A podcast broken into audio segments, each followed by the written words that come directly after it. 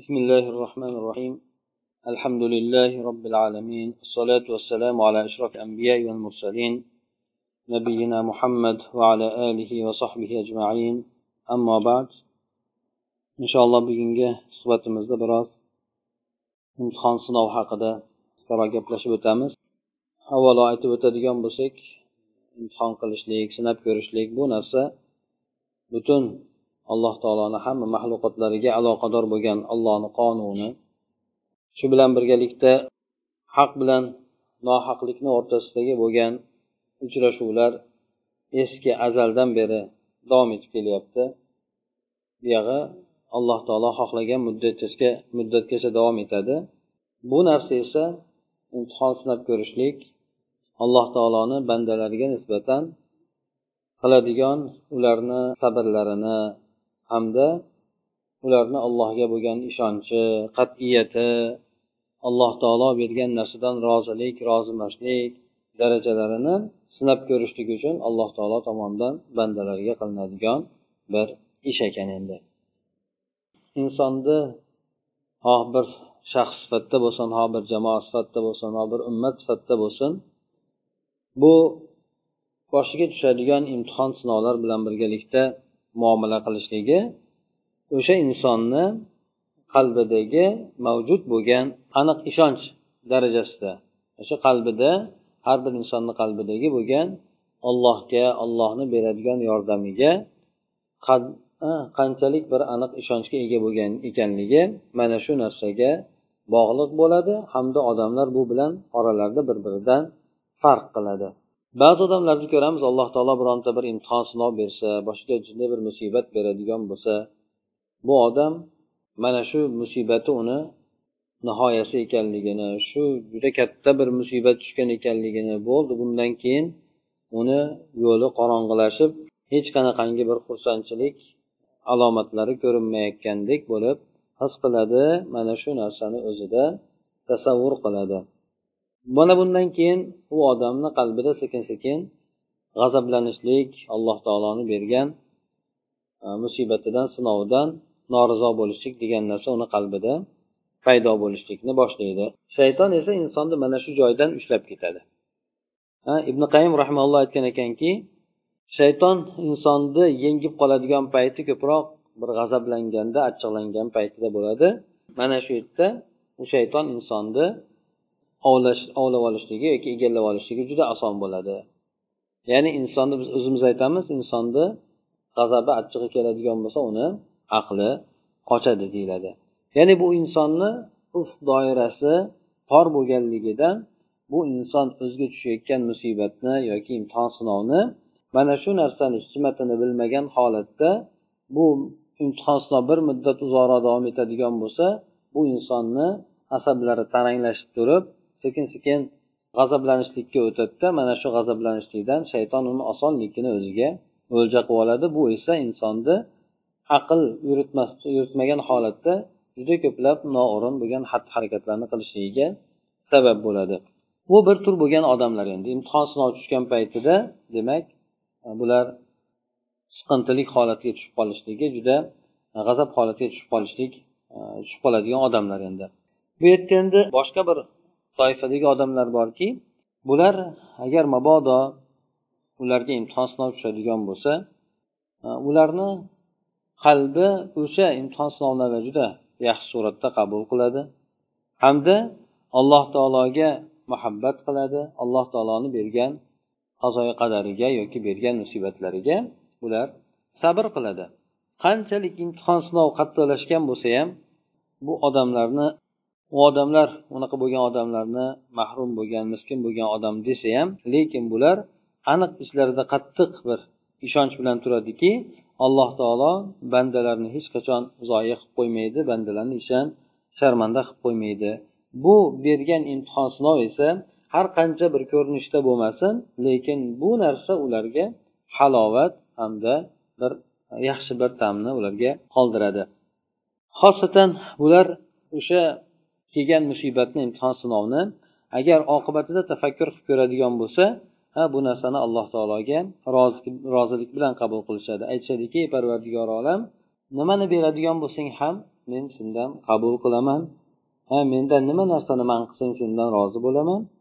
Menga meni o'z holimga qo'yadigan bo'lsang omonlik tinchlikda bo'ladigan bo'lsam ibodatingni qilaman. Meni nima narsaga chaqiradigan bo'lsang qanday amalni qilishlikka qanday bo'lishlikka chaqiradigan bo'lsang ijobat qilaman. Chunki men senga bandaman qulman men bilan nima narsani yaxshi ko'radigan bo'lsang shu narsani qilavergin deb go'yoki banda o'zini holatidan alloh taologa shunday deyayotgan bo'ladi. Demak bu ikki xil odamni o'sha imtihon sinov boshiga tushayotgan paytida qanday qilib o'sha imtihon sinov bilan muomala qilishlik borasidagi bo'lgan holat ekan. Bir odamni demak bu odamni allohga bo'lgan ishonchi alloh taoloni yordam berishligiga bo'lgan ishonchi alloh taolo bir har bir ishni sifat bilan qilishligini bilmagan holatda demak har qanaqangi ustiga boshiga tushadigan musibatni inson jazavalik bilan betoqatlik bilan qabul qilganligiyu ikkinchi holat bo'ladigan bo'lsa bu mo'min bo'lgan odamni holatiki bu odam alloh taolo bandalarni behikmat imtihon sinov bermaydi. Shuning uchun alloh taolo nimani bandaga beradigan bo'lsa albatta buni ortidan alloh taolodan yaxshilikni umid qiladi. Hamda alloh taolo bergan narsasiga rozi bo'ladi. Bu bilan esa ular bir musibatini rohatga aylantirib oladi. Lekin yuqoridagi avvalgi odamni e'tiborga oladigan bo'lsak bu bir musibatini ikki musibat qilib oladi. Sababi musibat uni boshiga tushayotgan musibat uni ham achchiq alamini totadi lekin bu odam oqibatda yaxshi narsadan quruq qolganligi bilan yaxshi narsani qo'ldan boy berganligi bilan bu odam musibatini ikki musibatga aylantirib oladi. Hech qachon bu odamni musibati bu bilan yengillanib qolmaydi. Endi insonni imtihon sinov tushgan paytda sabrga undaydigan narsalar nima narsalar imtihon sinov degan paytimizda kengroq miqyosda olaylik. Bu insonni shaxsiga tushadigan musibat bo'lsin ha bir har qanaqangi kasallik bo'lsin yoki kambag'allik bo'lsin yoki bo'lmasa o'zini yaqiniga tushadigan bir dardu alam bo'lsin yoki bo'lmasa kattaroq kengroq doirada musulmon ummatiga tushadigan musibat bo'lsin yoki ishga tushadigan dushmanlardan o'sha mag'lub bo'lganligi bo'lsin har qanaqangi surat bo'lsin demak ana o'sha ikki xil odam bu suratni qabul qilishlikda ikki xil bo'lishligi hamda ularni holatlarini aytib o'tdik. Endi mana shu narsalarda inson boshiga tushadigan musibatlarda albatta insonni sabrga undaydigan narsa bo'lishi kerak. Agar undaydigan narsa bo'lmasa inson ba'zan o'sha musibatni og'irligidan qattiqligidan betoqatlik qiladida bundan ko'p xatoliklarga yo'l qo'yib qo'yadi shuning uchun odamlarni ko'ramizki men xudoga nima yomonlik qilgan ekan deydi nima yomonlik qilgan ekan uni jonini olmasdan meni jonimni olmaysanmi deydi. U kasal bo'lmasdan men kasal bo'lmaymanmi deydi. Xullas kalom u odamni og'zidan har xil bo'lgan so'zlar chiqadi endi. Bu narsa o'sha musibat o'ziga yarasha alam achchig'i bor lekin har qanaqangi bo'lgan taqdirda ham bunaqa so'zlarni aytib alloh taoloni qazo qadariga e'tiroz bildirishlikka insonlarni aslida haqqi yo'q. Chunki insonlarni hammasi alloh taoloni bandalari alloh taolo bandalariga o'zi xohlagan narsasini beradi. Lekin ularga berayotgan bu balo musibat aksini olib ko'radigan bo'lsak bir insonni azoblash emas o'zi aslida balki insonni holatiga bir davo suratda alloh taolo berishligini aytib o'tamiz inshaalloh. Demak o'shanday qiyinchilik tushgan paytda insonni sabrga undaydigan narsa. O'sha narsa demak insonni o'sha balolangan musibatlangan yoki sinov boshiga tushgan odamni sabr qilishlikka yordam berar ekan hamda uni qat'iyatini biroz bo'lsa ham quvvatlab turar ekan kuchaytirib turar ekan. Bir olim bu narsa to'g'risida aytgan ekanki demak insonda uchta narsa borki bu narsa sabr qilishlikka undab turadi. Bulardan birinchisi u insonni o'sha imtihon sinovga beriladigan mukofotni mulohaza qilishlik inson boshiga tushadigan sinovga alloh tomonidan beriladigan mukofot. Mana shu narsani inson o'zida his qilishligi. Mana shu narsani tafakkur qilishligi. Qaysi bir inson borki bu inson musibatdan yoki sinovdan xoli bo'lmagan. Hatto alloh taoloni eng yaqin bandasi payg'ambarlar bo'lsin eng uzoq bo'lgan bandasi boshqa kofir boshqa bo'lgan kimsalar bo'lsin hech qaysi biri demak imtihon sinovdan quruq qolmagan. O'ziga yarasha hammasi nasibasini olgan. Biriniki qattiqroq biriniki yengilroq biriniki uzoqroq biriniki qisqaroq lekin hammasi albatta musibatni insonlar totadi. Bu ho o'zini shaxsiyatida bo'lsin yoki o'ziga yaqin bo'lgan odamlarga nisbatan bo'lsin. Aytib o'tdik bu yerda o'sha musibatga yoki sinovga beriladigan mukofot bu hammaga ham berilavermaydi. Lekin sabr qilaman degan odam albatta o'sha mukofotni qanday bo'lishligini mulohaza qilib tafakkur qiladi. Shu narsa uni sabr qilishlikka undaydi. Bu narsa albatta u inson alloh taologa bo'lgan ishonchi bilan bo'ladi. Hamda o'sha boradagi bo'lgan hadislarni oyatlarni o'qishlik bilan bo'ladi. Mana misol olib ko'radigan bo'lsak shahid bo'ladigan odam shuni umid qiladigan odam. Bu odam o'shani yo'lida demak har qanaqangi yetadigan mukofotini eslashlik bilan har qanaqangi yetadigan sinov imtihonni ko'tarishligi bu odamga ancha oson bo'ladi. Agar insonda umid degan narsa bo'lmaydigan bo'lsa alloh taoloni ajrini umid qilish degan narsa bo'lmaydigan bo'lsa bu inson hech qanaqangi demak keladigan musibat uni yengib qo'yadi. Birinchi bo'ladigan narsa insonni nafsiy tomonidan ma'naviy tomondan insonni ezib qo'yadi. Insonni mag'lub qilib qo'yadi. Insonni chekintirib qo'yadi. Bu narsa esa insonni demak e, qaddini ko'tarish ko'tarmasligiga sabab bo'ladi. Demak inson o'sha beriladigan imtihon sinov bo'lsin shunga beriladigan mukofotni mulohaza qilishligi alloh taolo insonlarni toqatli bo'lishligi uchun. Bularga o'sha har bitta yetadigan qanaqangi musibat bo'lsin o'sha narsalarni ajri borligini alloh taolo bayon qilgan. Bu esa insonni har qanaqangi musibat tushgan taqdirida ham alloh taolo uni mana shu sinov bilan sinaganligi agar sabr qiladigan bo'lsa o'sha alloh taolo unga ajr berishligini inson tasavvur qiladi bundan inson demak alloh taolo menga bu, bu musibatni berdi sinovni berdi imtihonni qiyinchilikni berdi. Bu bilan meni sabrimni alloh taolo sinab ko'rmoqchi. Bu narsani alloh taolo menga azoblashlik uchun bergani yo'q. Inson demak mana shu narsalarni xayoldan o'tkazadi. Ana o'sha narsani mukofotda beriladigan narsani mukofotini lazzati insonni ozgina bo'lsa ham o'sha mashaqqat alam achchig'ini insonga yengillashtirib beradi. Shuning uchun bir oddiy misol keltirilib aytiladi. Inson agar tijorat maqsadida chiqadigan bo'lsa yo'lga u yo'lda kesadigan har qanaqangi qiyinchiliklar topadigan ozgina puliga o'sha foydasiga kechirib o'tkazib yuboradi hammasini ha o'sha katta bir foyda qilaman deb turib har qanaqangi sovuqqa chidab turib o'sha ishda davom ettiraveradi. Demak inson o'sha beriladigan foydani bilishligi mashaqqatni yengilroq bo'lishligiga sabab bo'ladi ikkinchidan yana aytishadiki butun aqlli bo'lgan kimsalar dindorlar bo'lsin boshqalar bo'lsin hammasi bir ittifoq aytadiki albatta ne'matga ne'mat bilan erishib bo'lmaydi. Ne'mat rohatga rohat bilan erishib bo'lmaydi. Rohatga erishishlik uchun inson biroz bo'lsa ham qiyinchilikni boshdan kechirishi kerak. O'shanga yarasha xatti harakat qilish kerak ancha bir mashaqqatlarni boshdan kechirish kerak ana keyin o'sha rohatga erishadi. Hamma narsada shu. Bir odam pensiyaga chiqqanda bir rohat bilan yashayman desa ungacha bir o'z ishida ancha bir qiyinchiliklarni boshdan kechiradi endi tinmay ishlaydi shu bilan bular ham o'sha pensiyadagi rohatiga chiqadi keyin. Yoki bo'lmasa katta boylik topib mansabga erishganlar ham yoshligidan qaraydigan bo'lsak ancha katta harakat qilgan o'sha narsani yo'lida. Dunyo borasida shunday ekan oxirat borasida ham shuningdek. Inson jannat rohatiga erishaman degan odam albatta dunyoda o'ziga yarasha mashaqqatni chekishlik kerak. Busiz inson rohatga erishishligini imkoniyati bo'lmaydi.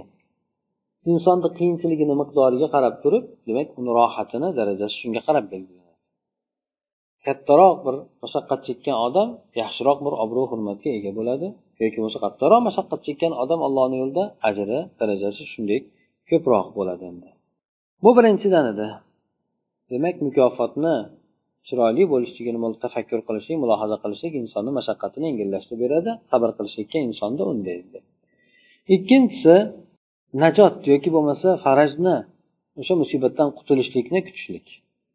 Bu ham insonni sabrga undaydi.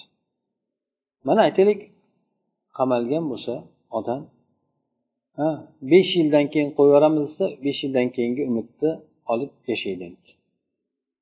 Yoki o'n yil desin o'n yildan keyin chiqamiz. Endi butun bir umrga shu yerda qolasizlar desa bu odamda umid umid so'nadi shuning uchun aytishadiki do'zaxdagi bo'lgan odamlarga agar sizlar million yil shu yerda turasizlaru keyin chiqasizlar desa ularda umid uchquni paydo bo'lardi agar million yil turasizlar ana undan keyin chiqasizlar desa umid uchquni paydo bo'lgan bo'lardi bularga aytiladiki do'zaxda sizlar demak abadiy o'lim yo'q shu yerda qolasizlar. Ya'ni do'zaxda abadiy qoladigan odamlarga nisbatan.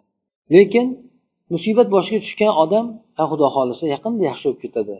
Yaqinda ham yo'q o'rniga tushib ketadi desa bu odam o'sha ozgina bo'lib turadigan narsaga sabr qilishlikka insonda bu narsa ham undaydi demak inson o'sha ishonchdan nobud bo'lmaslik kerak.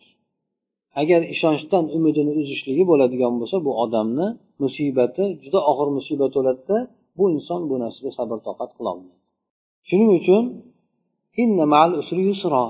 alloh taolo qaysi bir o'rinda qiyinchilik bergan bo'lsa albatta undan keyin bir muddatdan keyin farajni qutulishlikni o'sha xursandchilikni ham beradi. Hayot shundan iborat.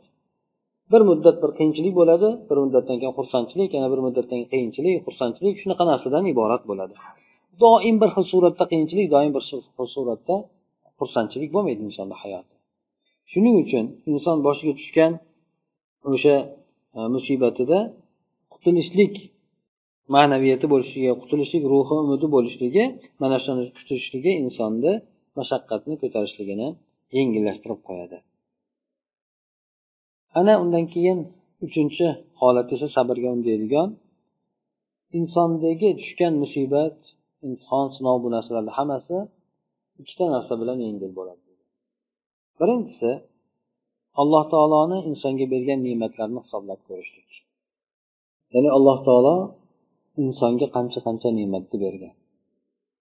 Oddiy sanab o'zimizda ko'radigan bo'lsak go'yoki bizda bo'lishi kerak deb o'ylab masalan ko'zimiz ko'ryapti qulog'imiz eshityapti oyog'imiz yuryapti qo'limiz harakatda.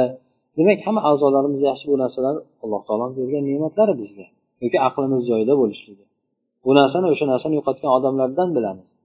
Demak shuncha ne'matlarni to'ldirib beribdi ba'zi ne'matlardagi bo'lgan kamchilik insonni demak o'sha ne'matlarda e, bo'lgan kamchilikni arzimas sanashligiga uni sabr qilishligiga undaydi.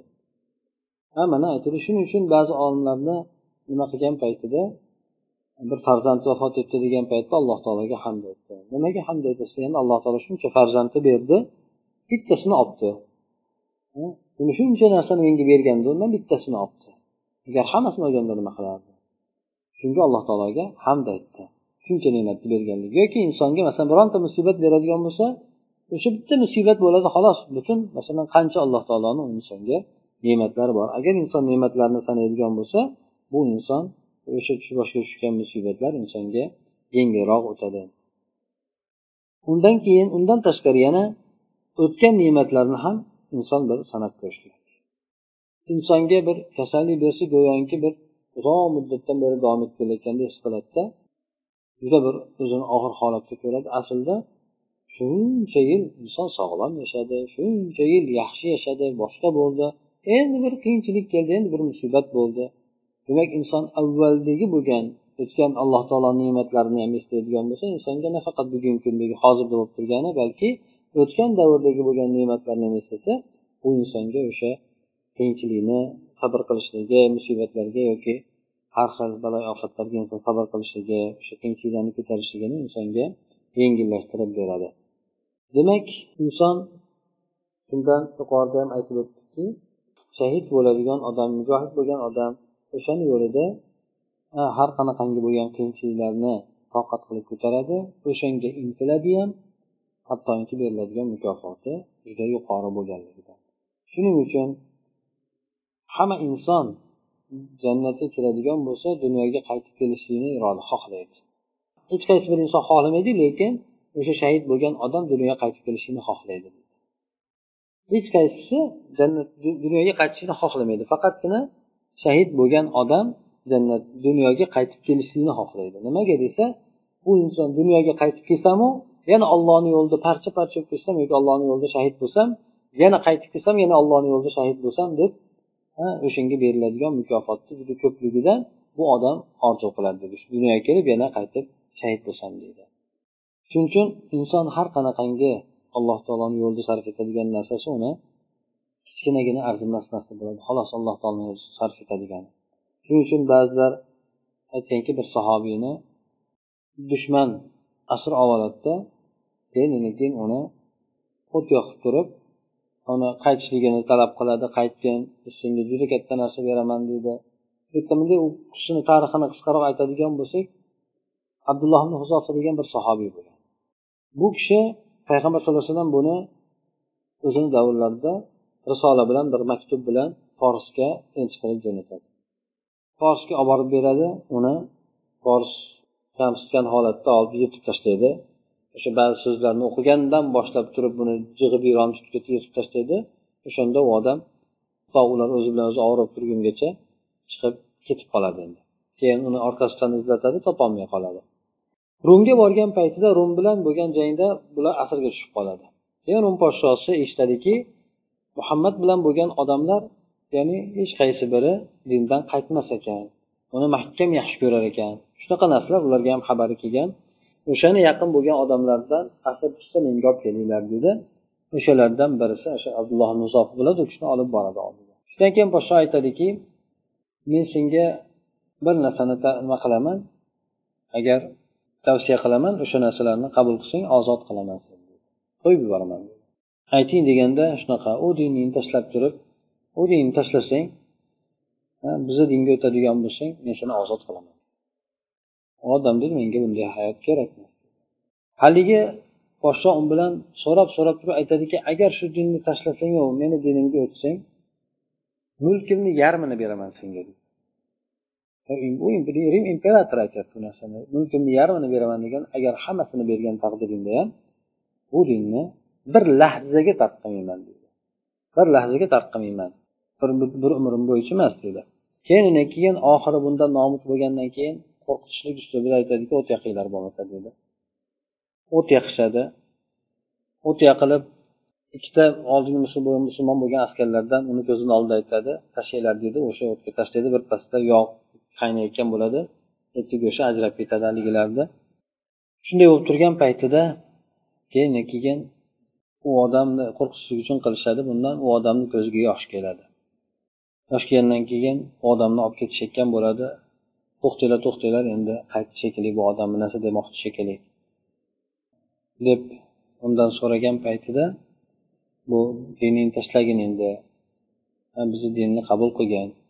Boshqa deganda u odam umuman yo'q deganda nimaga bo'lmasa ko'zingdan yosh keldi? Nimaga qaytding nima qilganda? Deganda u odam aytadiki men o'ylab qoldim deydi agar meni yuzta jonim bo'lsayu har biri xuddi shuningdek o'sha ollohni yo'lida halok bo'lsa edi hatto shuni ham men o'zimga kam deb bilardim deb turib shunday deb aytadi. Ya'ni bu kitob endi masalan meni o'tga tashlashlar ekan bitta jonim ekan agar meni yuzta jonim bo'lganda ham fido qilgan bo'lardim allohni yo'lida keyin keyin podsho bundan nomud bo'lganligini aytadiki nomud bo'lib turib aytadiki bo'pti bir narsani aytaman deydi o'shani qilsang deydi seni ozod qilaman nima u? deganda kelib meni peshonimdan o'pasan deydi u sahoba aytadi bitta meni emas hammani ozod qilasan degan musulmonlarni boshqalarni ham ozod qilasan hay bo'pti deb u ko'nadi. U aytadiki bitta bir fosiq bo'lsa kofir bo'lsa ha buni peshonasidan o'padigan bo'lsam menga nima zarar shuncha musulmonlarni ozod qiladi. deb turib keyin keyin haligi podshoni borib peshonasidan o'padi butun asirlarni u ham va'dasi turib ozod qiladi. Shunda umarni oldiga xalifa umar bo'ladi shu paytda olib ketadi endi hamma askarni o'sha asr tushganlarni. Ungacha umarga uni xabari yetib boradi. Yetib borgandan keyin umar aytadiki har bitta musulmonga o'sha ozod qilgan musulmonlarga albatta huzayfani boshidan peshonasidan o'pishlik ularga lozim bo'ladi. Men o'zim birinchi boshlab beraman deb umar uni peshonasidan o'padi. Sababi bu odam o'z jonini emas balki shuncha odamni qutqardi ya'ni bular o'sha har qanaqangi musibat boshiga tushib turib hatto o'lim bo'lsin ko'zini oldida o'tga tashlashlik boshqa narsa bo'lsin bu narsalarni muqobilda bir lahza bo'lsa ham dindan voz kechishlik degan narsani bular hayoliga keltirmagan. Bu qo'rqitishlik musibat tushishlik tomonidan. Hattoki mulkimni yarmiga seni sherik qilaman degan taqdirda ham bu kishi aytadiki agar hammasini bersang ham men bir lahza ham bu dinimni tark qilmayman deb aytadi. Mana bu odamlarda demak iymon halovati o'sha iymon ishonchi degan narsa juda mustahkam o'rnagandiki bular o'sha turgan yo'ldan tutgan dinni hech narsaga alishmas. Sababi vaqtinchalik bo'ladigan rohat bu insonga haqiqiy rohatni bermaydi. Ozgina bo'ladigan podsholigi boshqa narsasi bularga oxiratdan mahrum qiladigan bo'lsa bu narsani hech qanaqangi ne'mat deb hisoblamasdi. Shuning uchun bular bu yo'lda har qanaqangi qiyinchiliklarga uchragan bo'lmasin o'sha alloh taologa bo'lgan ishonchi bularni hamda o'sha beriladigan mukofotlarni tasavvur qilishligi bularni har qanaqangi bo'lgan qiyinchilik mashaqqatlarda sabr bilan qilishlikka sabr bilan turishlikka bularni shu narsa undagandi albatta inson beriladigan o'zi aslida insonga beriladigan imtihon sinovlar olib ko'radigan bo'lsak aslida bular baloyi ofat emas balki insonga davo bo'ladi. Bu davo insondagi bo'lgan mana aytib ko'radigan bo'lsak tillani tozalashlik uchun uni tagiga o't yoqib turib qizdiriladi. Ana undan keyin uni nimalari axlatlari boshqa narsalar chiqib ajralib sof bo'lib qoladi.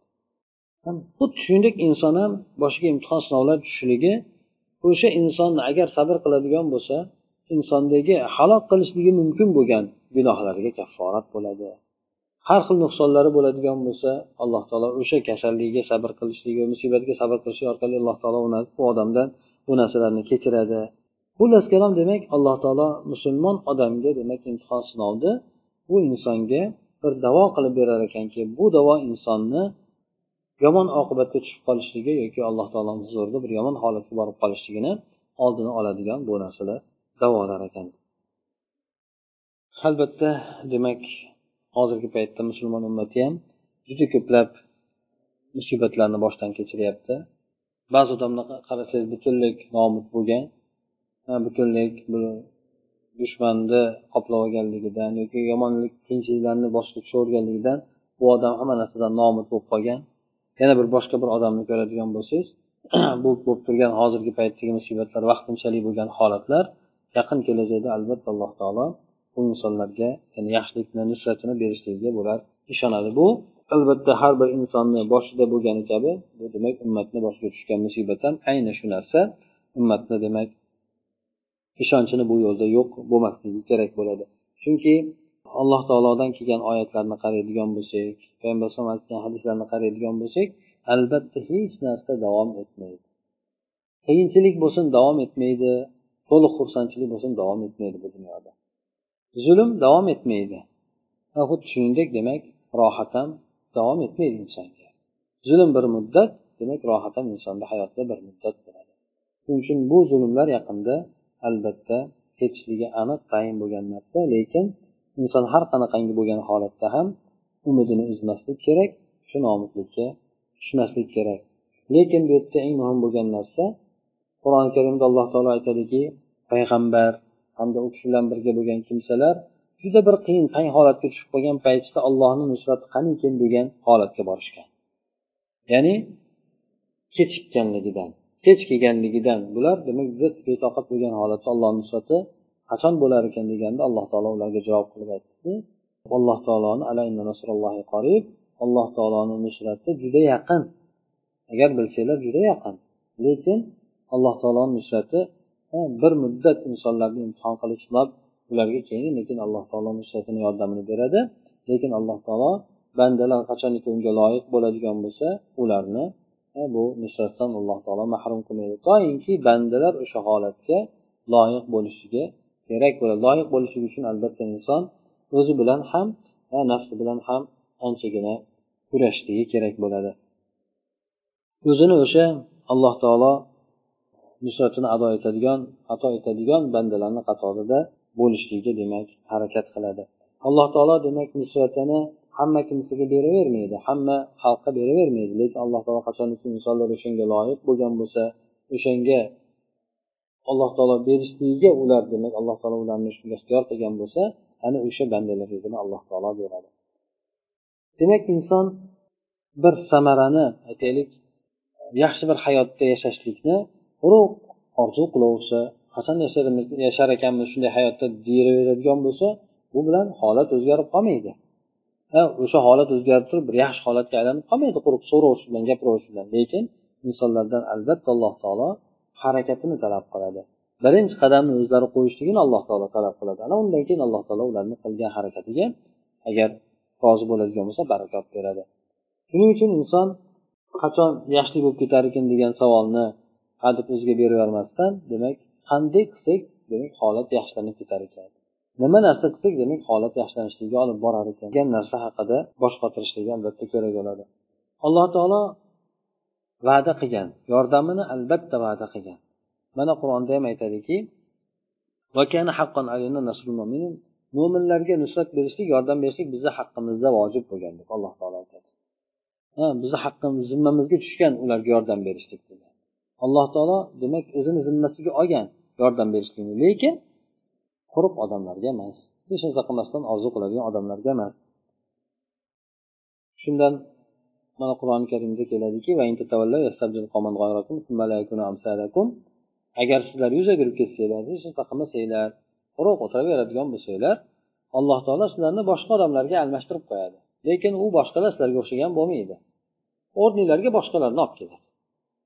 Ha shuning uchun bir paytlar arablarda beparvolik bo'lgan paytda turklarga alloh taolo nusrat bergan.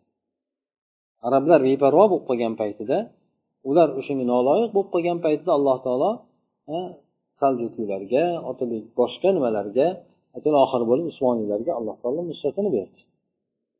Demak ular noloyiq bo'ladigan bo'lsa alloh taolo boshqalarga beradi. Demak allohni nazdida xalq arab bo'lishligi boshqa bo'lishligi bilan sharaflanmaydi balki alloh taoloni dini uchun harakat qilishligi bilan sharaflanadi. Shuning uchun arablarga bermagan nimani alloh taolo boshqa turklarga berdi yoki ularga bermaganni boshqa millatga berdi. Bu kelajakda ham ayni shu narsa. Qaysi biri musulmonlikni yaxshi ado etadigan bo'lsa bu odamlar alloh taologa yaqin banda hisoblanadida ana o'shalarga beradi. Bu yoqda o'zini nasl nasab bilan faxrlanayotgan odamlarga esa alloh taolo hech narsani bermaydi. Shundan aytdiki agar sizlar qilmasanglar alloh taolo sizlarni o'rninglarga boshqa odamlarni keltiradida u boshqalar lekin sizlarga o'xshagan bo'lmaydi. Deb turib aytdi ular demak harakatchan bo'ladi o'sha allohni dinini g'amini qiladigan odamlar bo'ladi.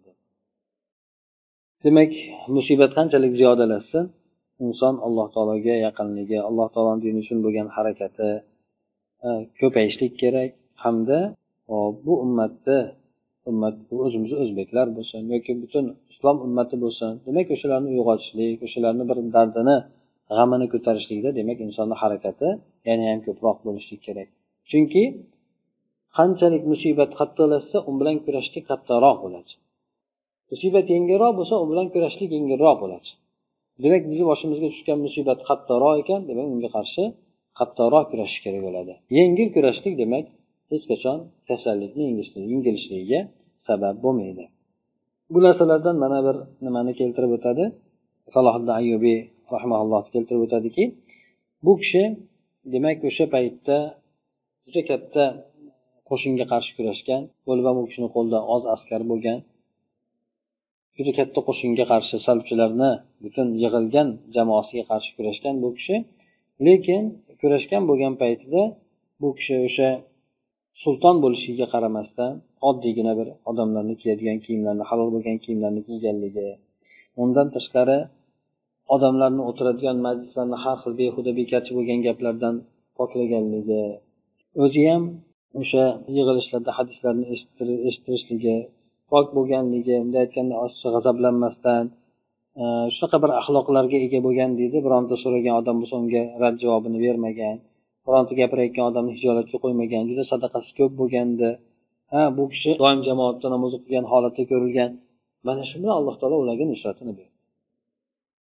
Boshliq shunday askarlar ham u shunday bo'lishligini talab qilgan. Ana ular alloh taologa yaqin bo'lganligidan alloh taolo ularga nusratini ato etadi. Garchi oz bo'lishiga qaramasdan. Demak inson qiyinchilik bo'lgan paytida behuda bo'lgan narsalarga berilishlik bilan emas balki behuda bo'lgan narsalarni yig'ishtirishlik u narsalardan uzoqlashishlik bilan demak o'sha ollohni beradigan nusratiga ega bo'lishligi yoki alloh taoloni vaqtinchalik bergan har qanaqangi qiyinchiligi bo'lsin dard bo'lsin yoki musibat bo'lsin mana bu narsalardan qutulishligiga demak alloh taologa yaqin bo'lishlik bilan ham najot topishligi kerak bo'lar ekan. Demak aytgan gapimizni xulosasini aytib o'tadigan bo'lsak bu imtihon sinov alloh taoloni qonuni. Bu shaxslarda ham bor xalqlarda ham bor butun ummat shaklida ham musibat bo'ladi. Bu narsalarda albatta inson to'g'ri qabul qilishligi qabul qilishlik borasida odamlar ikki xil toifaga bo'linib ketadi dedik. Kimlardir bu narsaga betoqat bo'lib alloh taolodan rozi bo'lmaydi. Qaysi bir toifa bular mo'minlar toifasi bergan musibatlarga allohdan rozi bo'ladi. Hamda u narsaga sabr qiladi. Sabr qiladi degani indamasdan o'tiradi degani emas. Sabr qiladi deganda o'sha sabrga undovchi bo'lgan narsalarni aytib o'tdik. Bu mukofotlarni katta mukofotlar berilishligini hamda xursandchilik bo'lishligini umid uyg'otuvchi bo'lgan hadislar ham oyatlar ham ana o'shuncha mana kelajakda mana bugungi kundagi bo'lib turgan payt xuddi go'yoki tong otishlikdan oldingi bo'lgan zulmat qorong'ulikka o'xshaydi. Tong otishdan oldin bir osmon bir qorong'ilashib oladida yana ham qorong'ilashib olib turib keyin lekin ortidan tong otadi. Demak mana shu hozirdagi bo'lgan erkinlik harakatlari ham biroz ma'noda o'sha butun zulmatdan keyingi bo'lgan jindek bo'lsa ham tong otishligini alomatlaridan ba'zilari bo'ladi. Demak o'sha xursandchilikni yoki bo'lmasa g'alabani kutishlik mana bu narsa ham e, o'sha insonni sabrga undaydigan mashaqqatni yengillashtirib beradigan narsalar. Undan tashqari alloh taolo bergan ne'matlarni sanashlik ham insonni musibatini yengil o'tishligiga sabab bo'ladi deb aytildi. Undan keyin esa inson demak o'sha harakat qilishligi alloh taolo beradigan nusratiga loyiq bo'lishligiga bu alloh taolo beradigan nusratini o'zini yaqin bandalariga beradi. Alloh taolo va'da qilgan nusrat beraman deb. Lekin alloh va'dasiga hech qachon xilof qilmaydi. O'shanga loyiq odamlar bo'ladigan bo'lsa alloh taolo nusratini beradi. Doimki insonlar o'sha ollohni beradigan nusratiga yordamiga loyiq bo'lishlikka harakat qilmas ekan bular nusrati alloh taoloni nusrati beradi. agar bular bo'lmasa alloh taolo ularni o'rniga boshqalarni keltirib turib u boshqalarga alloh taolo nusratini beraveradi. Alloh taologa nisbatan esa xalq u xalq bo'lishligi u xalq bo'lishligini alloh taologa nisbatan farqi yo'q. Bu xalq islomi yaxshi bo'lmasa boshqani islomi yaxshi bo'lib ketsa alloh taolo uni darajasini ko'taraveradi bu arab bo'lishligi boshqa bo'lishligi hech qanaqangi shart emas. Shundan demak alloh taoloni nusratiga inson loyiq bo'lishlikka harakat qilish kerak. Musibat boshimizda juda katta musibat bo'lgandan keyin albatta unga yarasha inson musibat kattaligiga qarshi qarshi qattiqroq kurashish kerak bo'ladi. Ana o'shanda kasallikni yenga oladi. E'tiborsiz bo'ladigan bo'lsa butun badaniga hamma yo'g'iga battar yana kasallik kattalashib ketadida mustahkam o'rnashib go'yoki surunkali kasallikka aylanib qoladigan bo'lsa uni davolashlik ancha qiyin kechib qoladi. Aytib o'tmoqchi bo'lganlarimiz shundan iborat edi. Bir salohiddin ayyubiyni misolini ham keltirib o'tdik. Bu kishi demak o'sha nusratga erishishlik uchun hamma tomonlama e'tibor berganligi hattoki inson yurish turishi bo'lsin yig'inlari bo'lsin o'tirishlari bo'lsin boshqalari bo'lsin shu narsalarni behuda bo'lgan narsalardan xalos qilishlikka demak bu harakat qilgan ana o'sha bilan alloh taolo beradigan nusratga bu kishi erishgan. Bizda ham o'shandek demak bir tomonlama bo'lmasdan har tomonlama ham qarshi harakat qilishlik hamda o'zimizni isloh qilishlik bilan alloh taoloni nusratiga loyiq bo'lishlikka sazovor bo'lamiz.